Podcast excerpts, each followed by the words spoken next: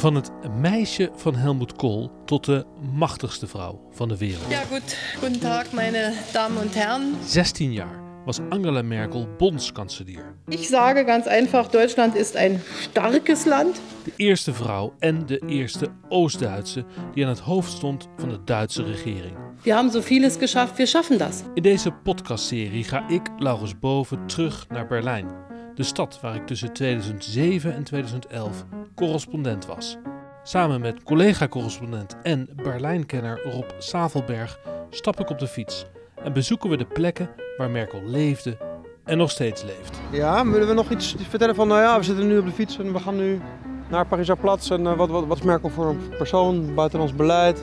Dit is deel 3 van het Berlijn van Angela Merkel. Hebben we ook de impact op Nederland? Was dat nog een, nog een Ja, die ding? moeten wel heel bij ook. Ja. Een podcastserie van Microphone Media in samenwerking met het Duitsland Instituut Amsterdam. Aflevering 3. Merkel en de buitenlandse politiek.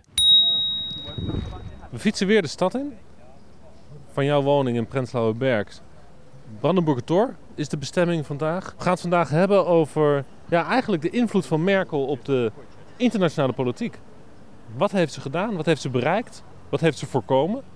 500 reizen, zei jij. 500 buitenlandse reizen heeft ze gemaakt in 16 jaar tijd. 23 keer naar China. Over de hele aardbol is ze geweest. En al die mensen kwamen ook elke dag weer naar Berlijn, die ze hier heeft ontvangen. En, en dat zie je allemaal op die, die Pariser Platz, waar de belangrijkste landen hun ambassades hebben staan. En ook monumenten staan. Ja, stap op de fiets. Goed, Pariser Platz, Rob. Ja, het hart van Berlijn, hè? Althans, is het, het, is niet echt het sociale hart van Berlijn. Jij komt hier denk ik in het dagelijks leven niet elke dag. Nou, eigenlijk wel, want ik moet eh, eh, vaak naar eh, her en der. En ja, de Brandenburger Tor als symbool van de Duitse deling tussen 1945 en 1990 is tegenwoordig het symbool van de Duitse vrijheid geworden. Omdat je normaal gesproken altijd dwars door het Brandenburger Tor kunt fietsen. Jij woont in Oost-Berlijn, dit is voor jou een fietsroute als je naar West-Berlijn moet. Ja, zeker. Ik, eh, meestal rij ik eh, dwars door de Brandenburger Tor heen. Want dat is een mooie fietsroute. En dan Ja. daarna natuurlijk het park, de Tiergarten erbij. Maar ook daarnaast het eh eh, Holocaustmonument met eh 3000 stelen voor de vermoorde Joden.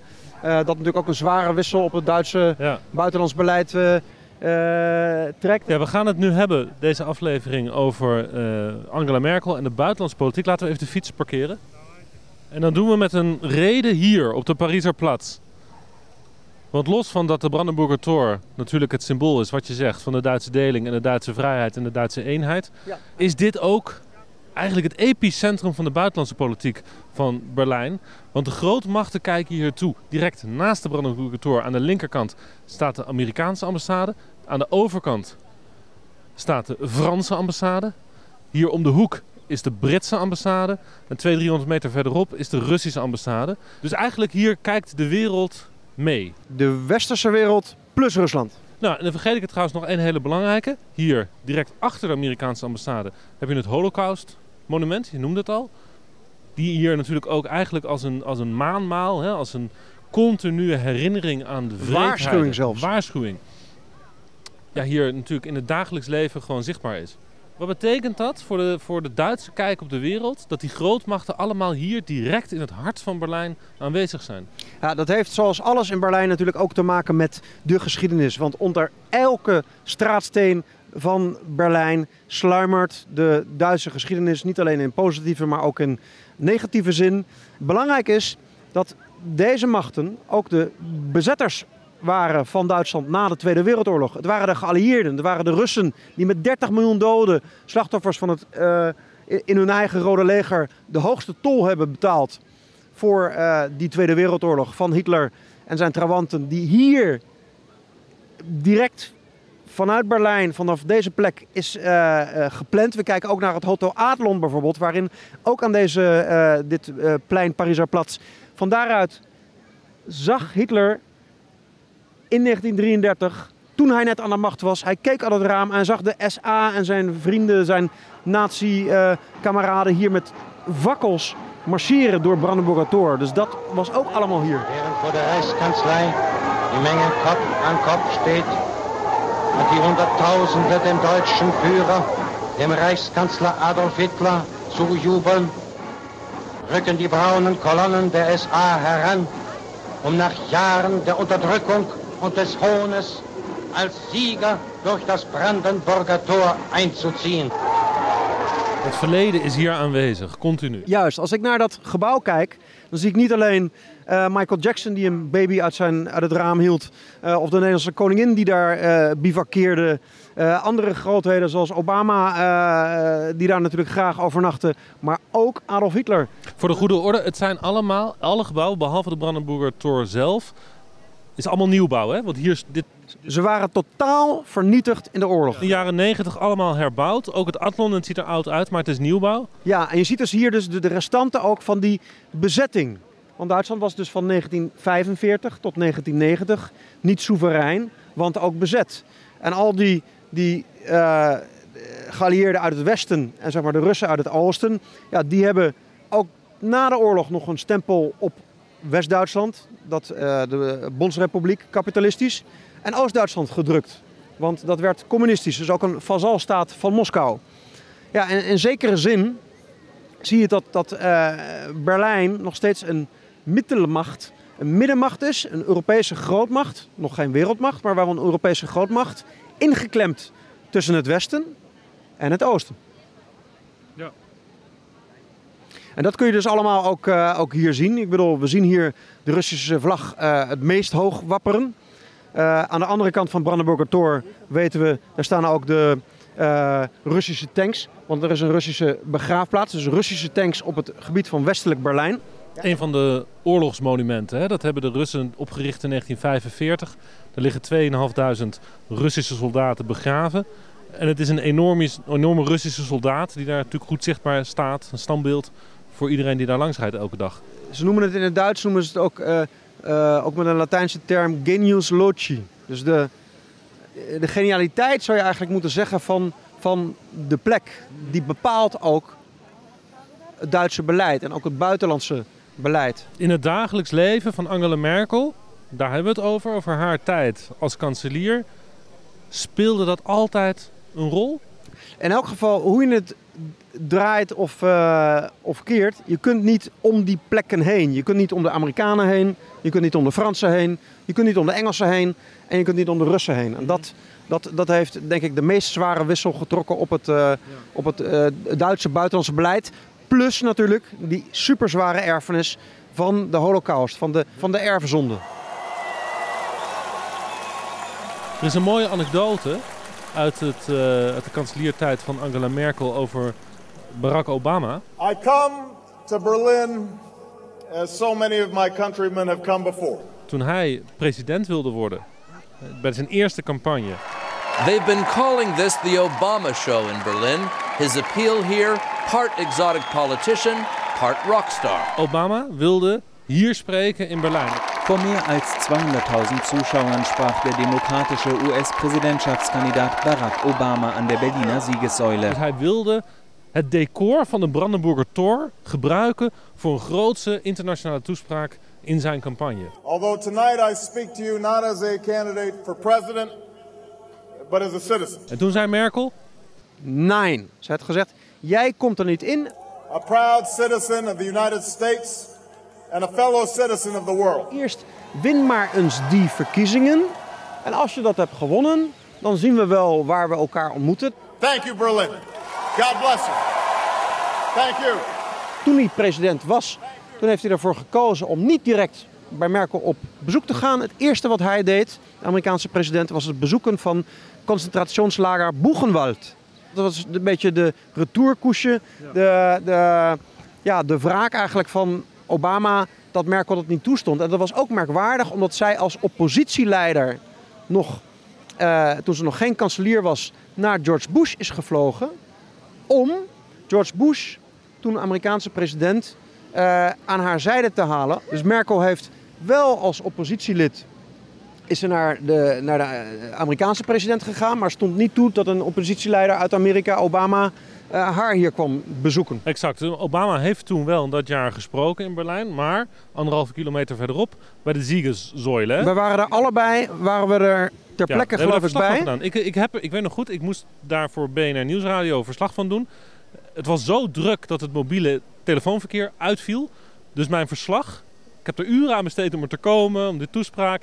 Ik heb niet kunnen vertellen op de radio, want de verbinding kwam niet tot stand. Bij mij lukte het uh, wonder boven wonder net wel. En ik zal nooit vergeten dat die nog relatief onbekende politicus uit Amerika als een godswonder werd ervaren in Berlijn. Er kwamen zoveel mensen op af, 200.000 mensen. En dat hij opkwam met David Bowie's Let's Dance. Later is het allemaal goed gekomen in de relatie tussen Merkel en, uh, en Obama. En heeft Obama daadwerkelijk wel nog een keer hier voor de Brandenburger teruggesproken. Ja, daar was ik ook bij. Toen noemde Obama Merkel mijn vriendin.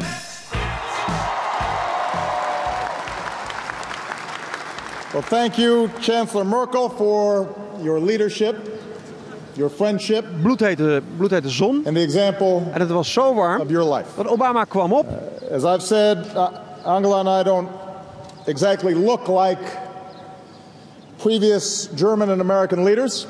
En iedereen, alle Duitse politici hadden hun, hun jasje en hun dasje hadden ze allemaal aan. En het was echt zweten zo in die, in die zon. Obama kwam op en toen zei hij... Uh, in fact, it's so warm and I feel so good that I'm actually going to take off my jacket and anybody else who wants to feel free to. Hij ging tegen het protocol in en hij deed zijn, zijn jasje uit en gewoon alleen in zijn hemd hier. En dat was ongehoord voor de Duitsers. We can be a little more informal among friends. Dat was het signaal voor alle Duitsers, onder meer de burgemeester van Berlijn, Klaus Wowereit, om dan ook toch maar dat, dat uh, ja, een beetje te warme jasje uit te trekken. Today, uh, I'm proud to return as president of the United States. Dat was dus de, de, de vriendschap met de Amerikanen. Maar ondanks die Dear Angela, dat later bekend werd dat diezelfde Obama vanuit dit gebouw hier, bovenop, de Amerikaanse territorium, Amerikaanse ambassade, dat ze ook het nummer, het mobiele nummer van Angela Merkel lieten afluisteren. Deutsche Sicherheitsbehörden vermuten, dass Merkels Handy längere Zeit angezapft wurde. En daarvan heeft Angela Merkel de uh, fenomenale zin gezegd. Ausspähen unter Freunden, das geht gar nicht. Wir brauchen Vertrauen unter Verbündeten und Partnern. Dus, dus ze was echt boos. Dat is iets van wat ingaat tegen haar vriendschap.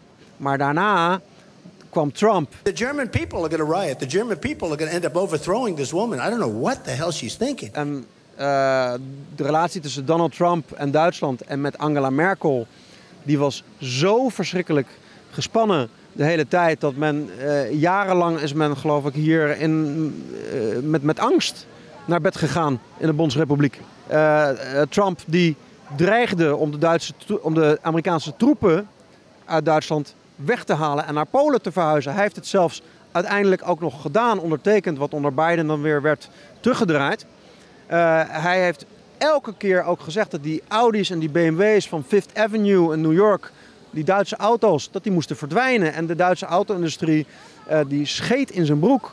Uh, dat daardoor uh, de Duitse fabrieken problemen zouden krijgen in de Verenigde Staten. Dat de Duitse export zou instorten. En het lukte Merkel niet om een vertrouwensband met Trump op te bouwen. Dat, zij ging... Daar zat waarschijnlijk seksisme ook wel bij. Seksisme, natuurlijk heeft dat een rol gespeeld. Want zij heeft de video's ook bekeken waarin hij uh, uh, zei dat je met uh, vrouwen alles kon doen wat je maar wilde. En dat er toch niemand achter kwam. Maar kwam, kwam Merkel dan aan haar grenzen van haar diplomatieke mogelijkheden om als staatsvrouw uh, daar overheen te stappen en met die man toch zaken te doen? Dat heeft ze continu geprobeerd. En uh, groot respect natuurlijk voor het feit dat zij nooit uit haar rol is gevallen en altijd de contenance heeft bewaard. Want bijvoorbeeld, uh, je herinnert, je herinnert je misschien dat moment dat zij zat in de Oval Office, het eerste, hun eerste ontmoeting.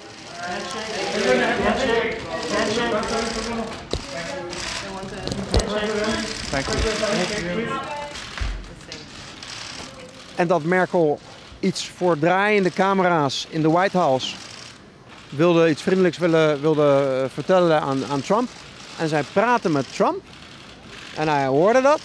En hij keerde zich demonstratief om. Hij deed alsof zijn neus bloedde. Send a good picture back to Germany, please. Make sure.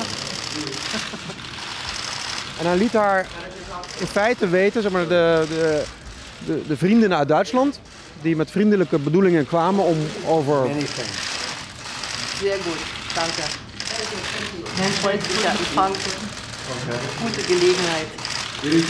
zu unterhalten. problemen en andere zaken te praten. Ehm, ik heb eigenlijk geen respect voor jou.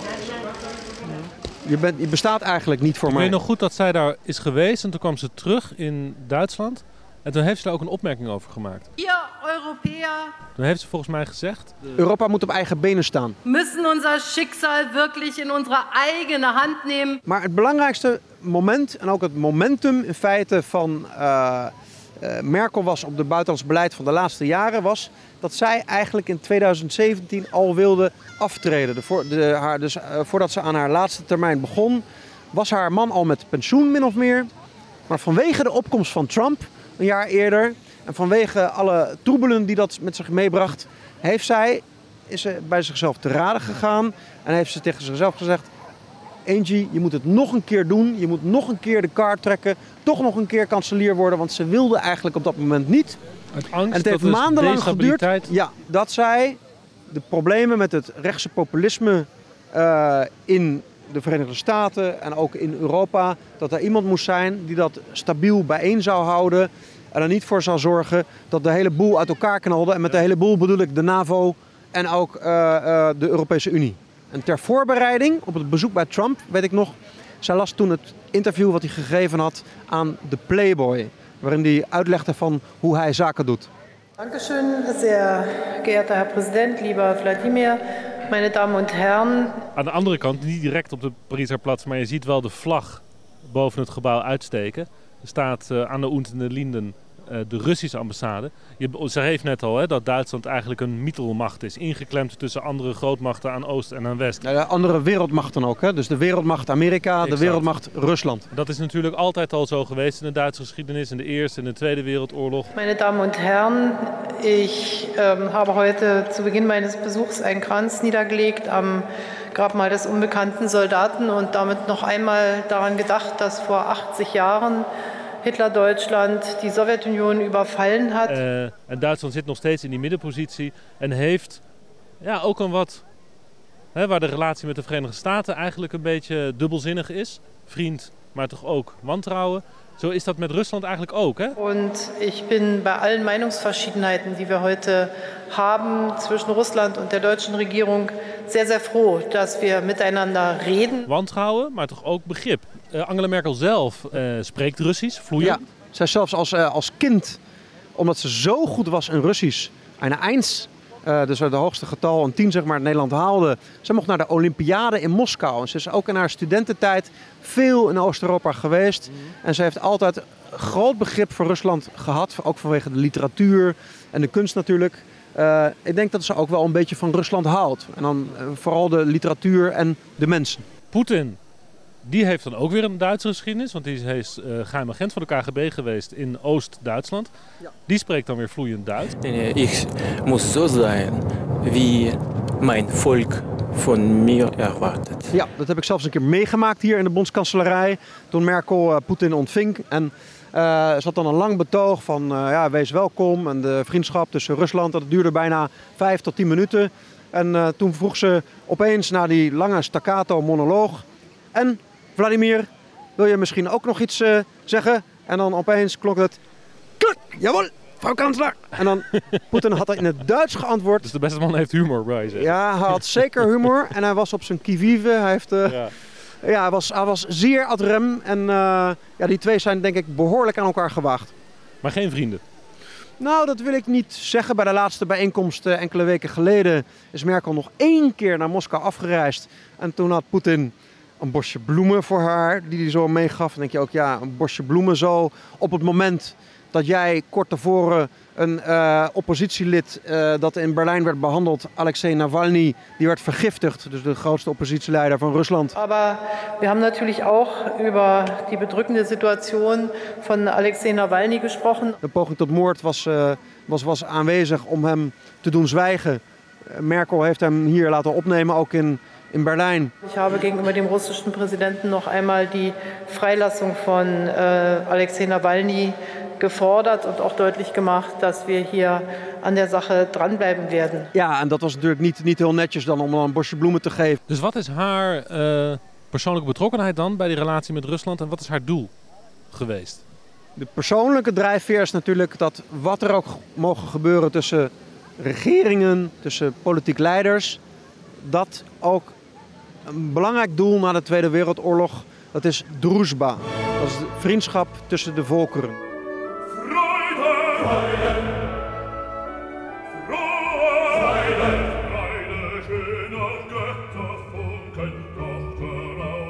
Ondanks de verdachte, de verdenkingen van moord, ondanks de vergiftigingen, ondanks de desinformatie. En oorlog natuurlijk, eh, Oorlog. inpikken van uh, Ondanks landje al dat pik. alles wil Duitsland, wil Merkel de, de, de band met Poetin.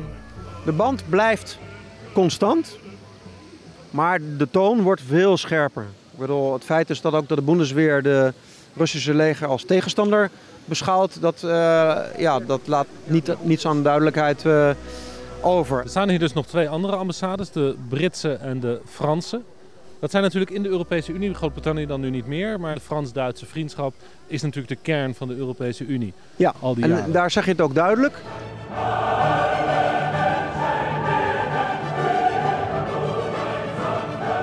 Die kern, die as Parijs-Berlijn, dat is de motor en het motorblok van de Europese Unie. Ja, want je merkt nu dat eh, bij de huidige Franse president, bij Macron, dat die graag verder wil, dat hij bijna pro-Europeeser is dan het pro-Europese Duitsland. Hè, met zijn voorstellen voor een Europees leger. Ja, dat is zo. En misschien wat Macron wilde, was zo revolutionair en dat ging haar te snel. Misschien had ze ook, was ze ook bevreesd dat haar eigen volk en ook de rechtse partijen in Duitsland, dat die haar niet zouden willen volgen in die vervolmaking van de Europese Unie, zeg maar. In die dromen van, een, van de Verenigde Staten van Europa. En ja, dat heb ik natuurlijk wel in al die jaren hier ook in Duitsland, in Berlijn meegemaakt. Dat de Duitsers veel pro-Europeeser dan bijvoorbeeld de Nederlanders zijn. Europa is voor de Duitse politici, is, eh, behalve de, van de uitersten, eh, ja, echt het nonplusultra. En zij, zij dromen van een, een soort Europese superstaat. Nou, dat is een goed bruggetje, Rob, om even eh, de fiets te pakken en een paar honderd meter te rijden naar het Holocaustmonument. Denn nur im Bewusstsein der immerwährenden Verantwortung Deutschlands für den Zivilisationsbruch der Shoah kann eine gute Zukunft gestaltet werden. So, nur so wird Erinnerung nicht zum bloßen Ritual, sondern so ist Erinnerung lebendig und dient der Zukunft. Ja, het ook wel hier doen. Hier rustiger zo. Ja, Rob, de, het Holocaustmonument, altijd weer indrukwekkend. Een groot vierkant gebied met 3000 betonblokken zijn het eigenlijk, stelen. En eh, al- niet, eh, elke is anders hoog en als je er wat inloopt dan verdwijn je eigenlijk echt tussen die rotsblokken. Een doolhof is het in feite. Ja, het is een eh, labyrint van de, deze kunstenaar die wel een heel bijzonder monument heeft gemaakt. Wat is eh, gezegend door het Duitse parlement. Zij wilden dit hebben. Er was natuurlijk een competitie, een eh, wedbewerp zoals ze het noemen. Ehm, om eh, dit hier neer te zetten. En het bijzondere van dit doolhof, van dit labyrint, is in feite eh, dat hier zeg maar, de mensen die in de oorlog, in die genocide, in dat doolhof zijn terechtgekomen. Het zijn er niet weinig. Eh, circa 6 miljoen Joden zijn door Nazi-Duitsland op het leven gebracht. En ook natuurlijk veel andere mensen. Dat die mensen op het moment dat ze zeg maar, een gele ster opgeplakt kregen en hun naam terugvonden in een lijst, in Nederland, in Polen, in Hongarije, in heel veel andere plekken. Dat die mensen bijeen werden gezet, afgezonderd van de rest, van een school werden eh, gesmeten, hun baan verloren, alleen nog in bepaalde delen van de stad mochten wonen, in ghetto's. Dat die naar andere plekken waren overgebracht. Westerbork in Nederland bijvoorbeeld. En van daaruit gingen dan naar het oosten, meestal. Naar kampen zoals Auschwitz en Buchenwald en Treblinka, zo verschrikkelijke namen.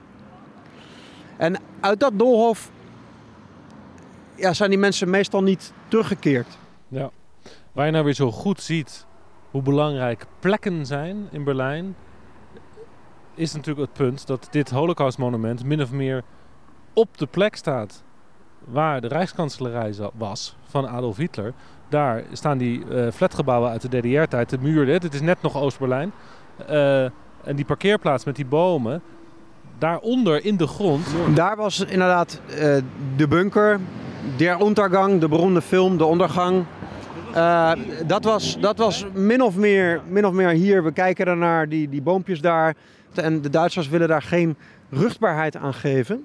Het mocht geen pelgrimsplek werden, worden voor, voor, voor nazi's en andere uh, Het is wel aanhangers. een plek waar de, schand, de, de Duitse schande heel prominent een, een, een, een plek krijgt in de publieke ruimte. Namelijk met dit Holocaustmonument. Ja, dit is de duurste grond van heel Berlijn. Direct naast Brandenburger Tor. Met als buren het vijf sterren Adlon Hotel en de Amerikaanse ambassade. Dus je kan je voorstellen, uh, uh, deze grond is uh, tientallen, zo niet honderden miljoenen euro's waard. En toch hebben de Duitsers ervoor gekozen dat deze plek niet bebouwd wordt. En alleen dat hier herdacht wordt dat de schuld van de schande van de Tweede Wereldoorlog, die ligt op hun schouders. Niet alleen op hun schouders, maar voornamelijk op de schouders van, uh, van Nazi-Duitsland. Je kan vanaf het Holocaustmonument uh, min of meer ook de Rijksdag zien. En met vlak daarachter dan het Bundeskanzleramt. We zitten dus ook in het politieke hart van, van Berlijn. Uh, dat is ook een statement, toch? Dus, dus het, moet in het bewustzijn blijven van de politieke leiders, ook in het bewustzijn blijven van Angela Merkel, dat dit is gebeurd, dat deze last van de geschiedenis op hun dagelijks handelen rust. Dan komen we bij de Europese Unie, waar we het net over hadden. Hoe geeft Merkel daar vorm aan? Aan dat besef van de geschiedenis in het heren nu van de Europese Unie? Nou, dat zijn uh, uh, twee dingen die daaruit voorkomen, maar ook twee moeilijke zaken. Eerder al hadden anderen ook het buitenlands beleid uitgestippeld onder het formaat Nie wieder Auschwitz. Nooit meer mocht Auschwitz plaatsvinden. Dat buitenlands beleid nooit meer mocht van Duitsland mocht mensen discrimineren, uh, gevangen zetten, uh, bevolkingsgroepen tegen elkaar opzetten. Dat is een uh, zeer belangrijke pijl van het Duitsland, Duitse buitenlands beleid.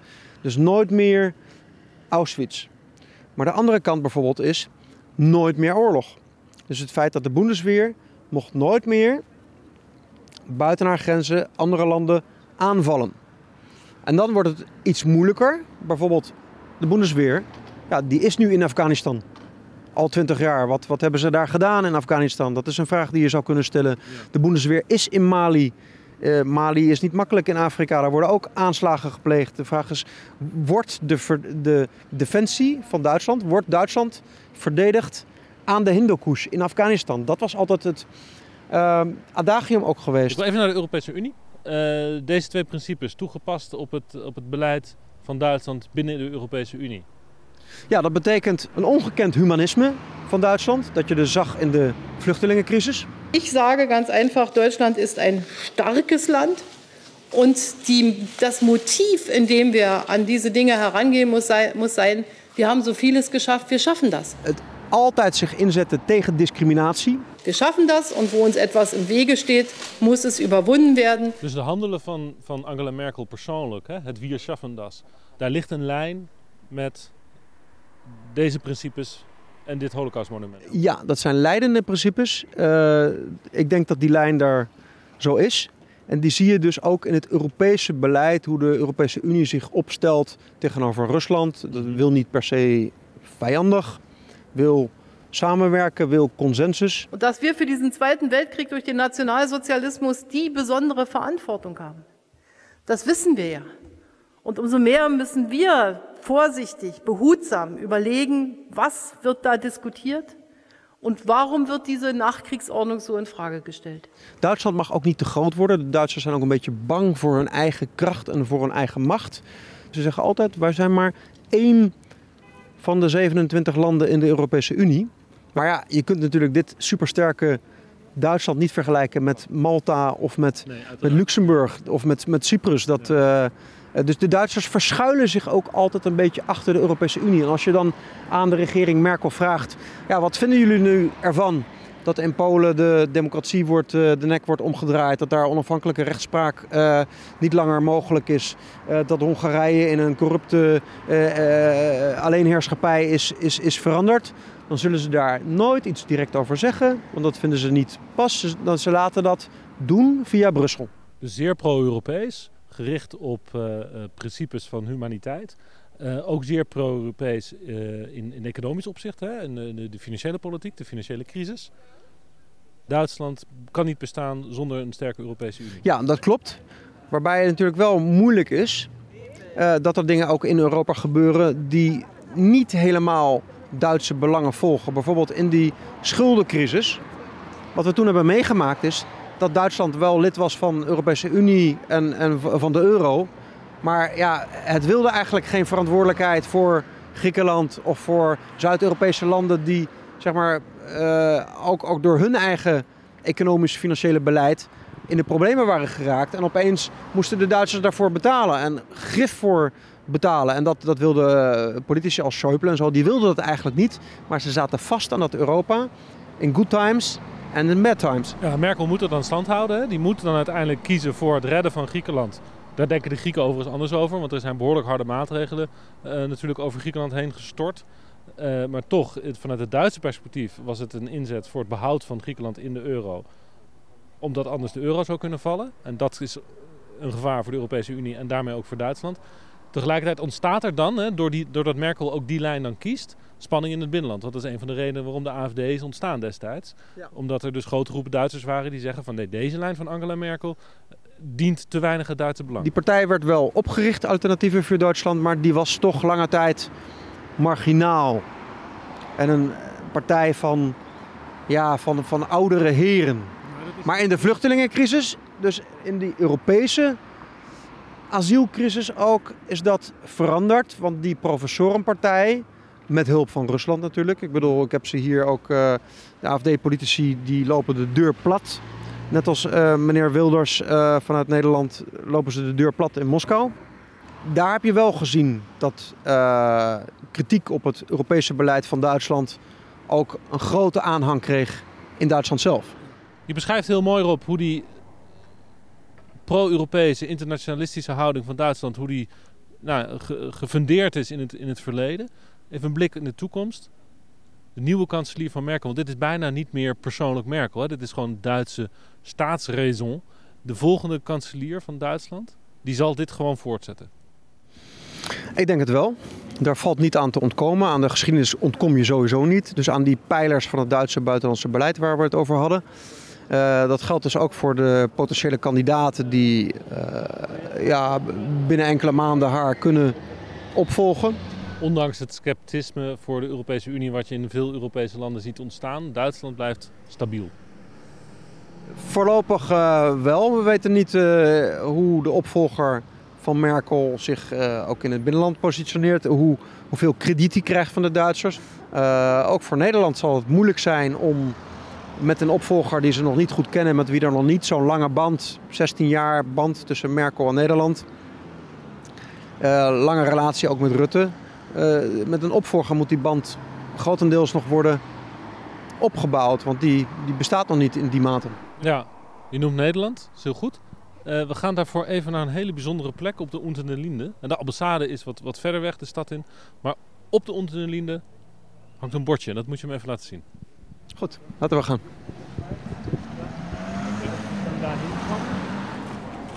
Hey, goedenavond allemaal. Zo Duitse Leute? Uit Duitsland? Ja. ja? Dit wou je me laten zien, hè Rob? Klopt. Een bordje op een gebouw recht tegenover de Humboldt Universiteit. Een stukje verder op de Untenlinde-weg van Brandenburger Tor.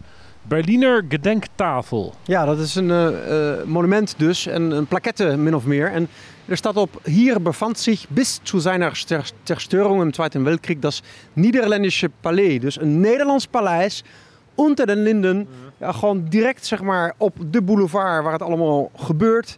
Uh, waar hier dus de, de, Duitse koningen, keurvorsten, uh, keizers resideerden. En dan ook nog daartussen een Nederlander die natuurlijk vaak uh, familie had in Duitsland. Die voordat hij koning werd hier al naartoe is gekomen. Hier dus van, van de Duitsers een, een paleis kon, kon kopen.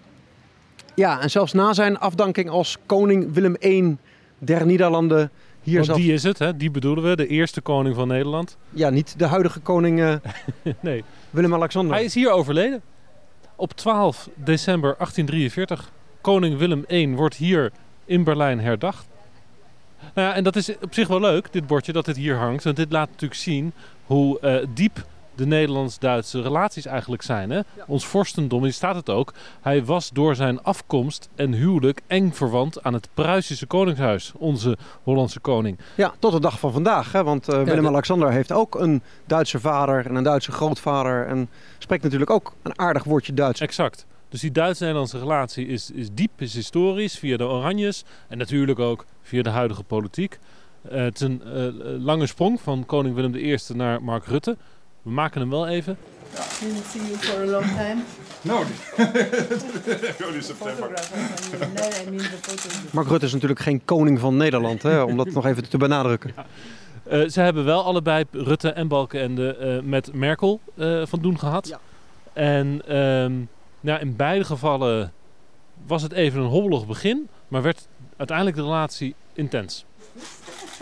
Uh, that's the last Liberal Prime Minister since uh, 100 years ago, and I'm the first Liberal Prime Minister since that guy.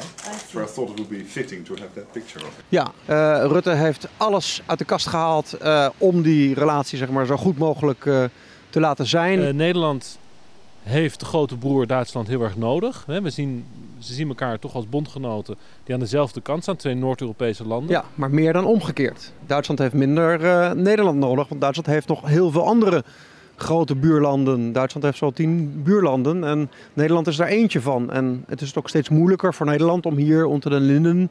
Uh, we staan nu voor het voormalig Nederlandse paleis hier... Uh, om, om zich ook in Berlijn, in Duitsland te manifesteren. Ondanks die, die belangrijke handelsbetrekkingen er wordt ook hard voor gewerkt, natuurlijk door onze ambassade ook, die zich hier uh, bevindt in Berlijn. Maar die ambassade is dus niet in het voormalige Nederlandse paleis hier uh, op Unterlinden. Want dat heeft toen de koninklijke familie verkocht. Terug aan de Duitse staat. Dat is misschien toch wel een kleine misser geweest uh, ja. van de Oranjes. Dat hebben ze overigens al gedaan in eind 19e eeuw. Dus dat is lang geleden. Um, ik vind het ook opmerkelijk dat dus Rutte en andere Nederlandse ministers zeer regelmatig in Berlijn op bezoek komen. Ja, ja er waren tijden dat hij hier elke week uh, op de thee kwam uh, in de bondskanselarij. Ja, ja, en omgekeerd is Angela Merkel één keer in Den Haag geweest. Ja, ja. and I always have the curtains open so people can see who's visiting. It is, uh, ja, very special. Cor, gaan we zo? Ja, ja rechtdoor. Ja. Dankjewel. Cameramensen, fotografen, Nico. Nederland is natuurlijk minder belangrijk. Dat gebeurde eigenlijk allemaal op het moment dat Duitsland haar politieke zwaartepunt verschoof van Bonn in het Rijnland, dicht in de buurt van de Nederlandse grens, richting Berlijn. Die beslissing werd in 1991 genomen. En het is sindsdien is het een stuk moeilijker voor Nederland om zich te manifesteren hier. Heeft u misschien liever dat de man die naast u staat uh, voorzitter wordt van de Europese Commissie of ziet u uh, premier Rutte liever uh, in de toekomst als uh, voorzitter van de Europese Raad? Er is geen kandidaat voor beide jobs. also. so, ik moest dat zeggen. geen kandidaat voor beide jobs.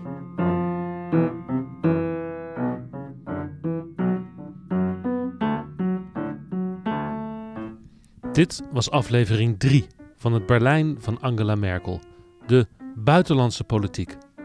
In het volgende deel, de slotaflevering, zoeken we de mens achter de politicus. Ik heb gelernt dat ook voor schwierige vragen antwoorden gevonden werden kunnen. Wenn wir die Welt auch immer mit den Augen des anderen zien. De Duitse bondskanselier wordt vaak omschreven als een sphinx. Wat weten we over haar? Kennen we Angela Merkel eigenlijk wel?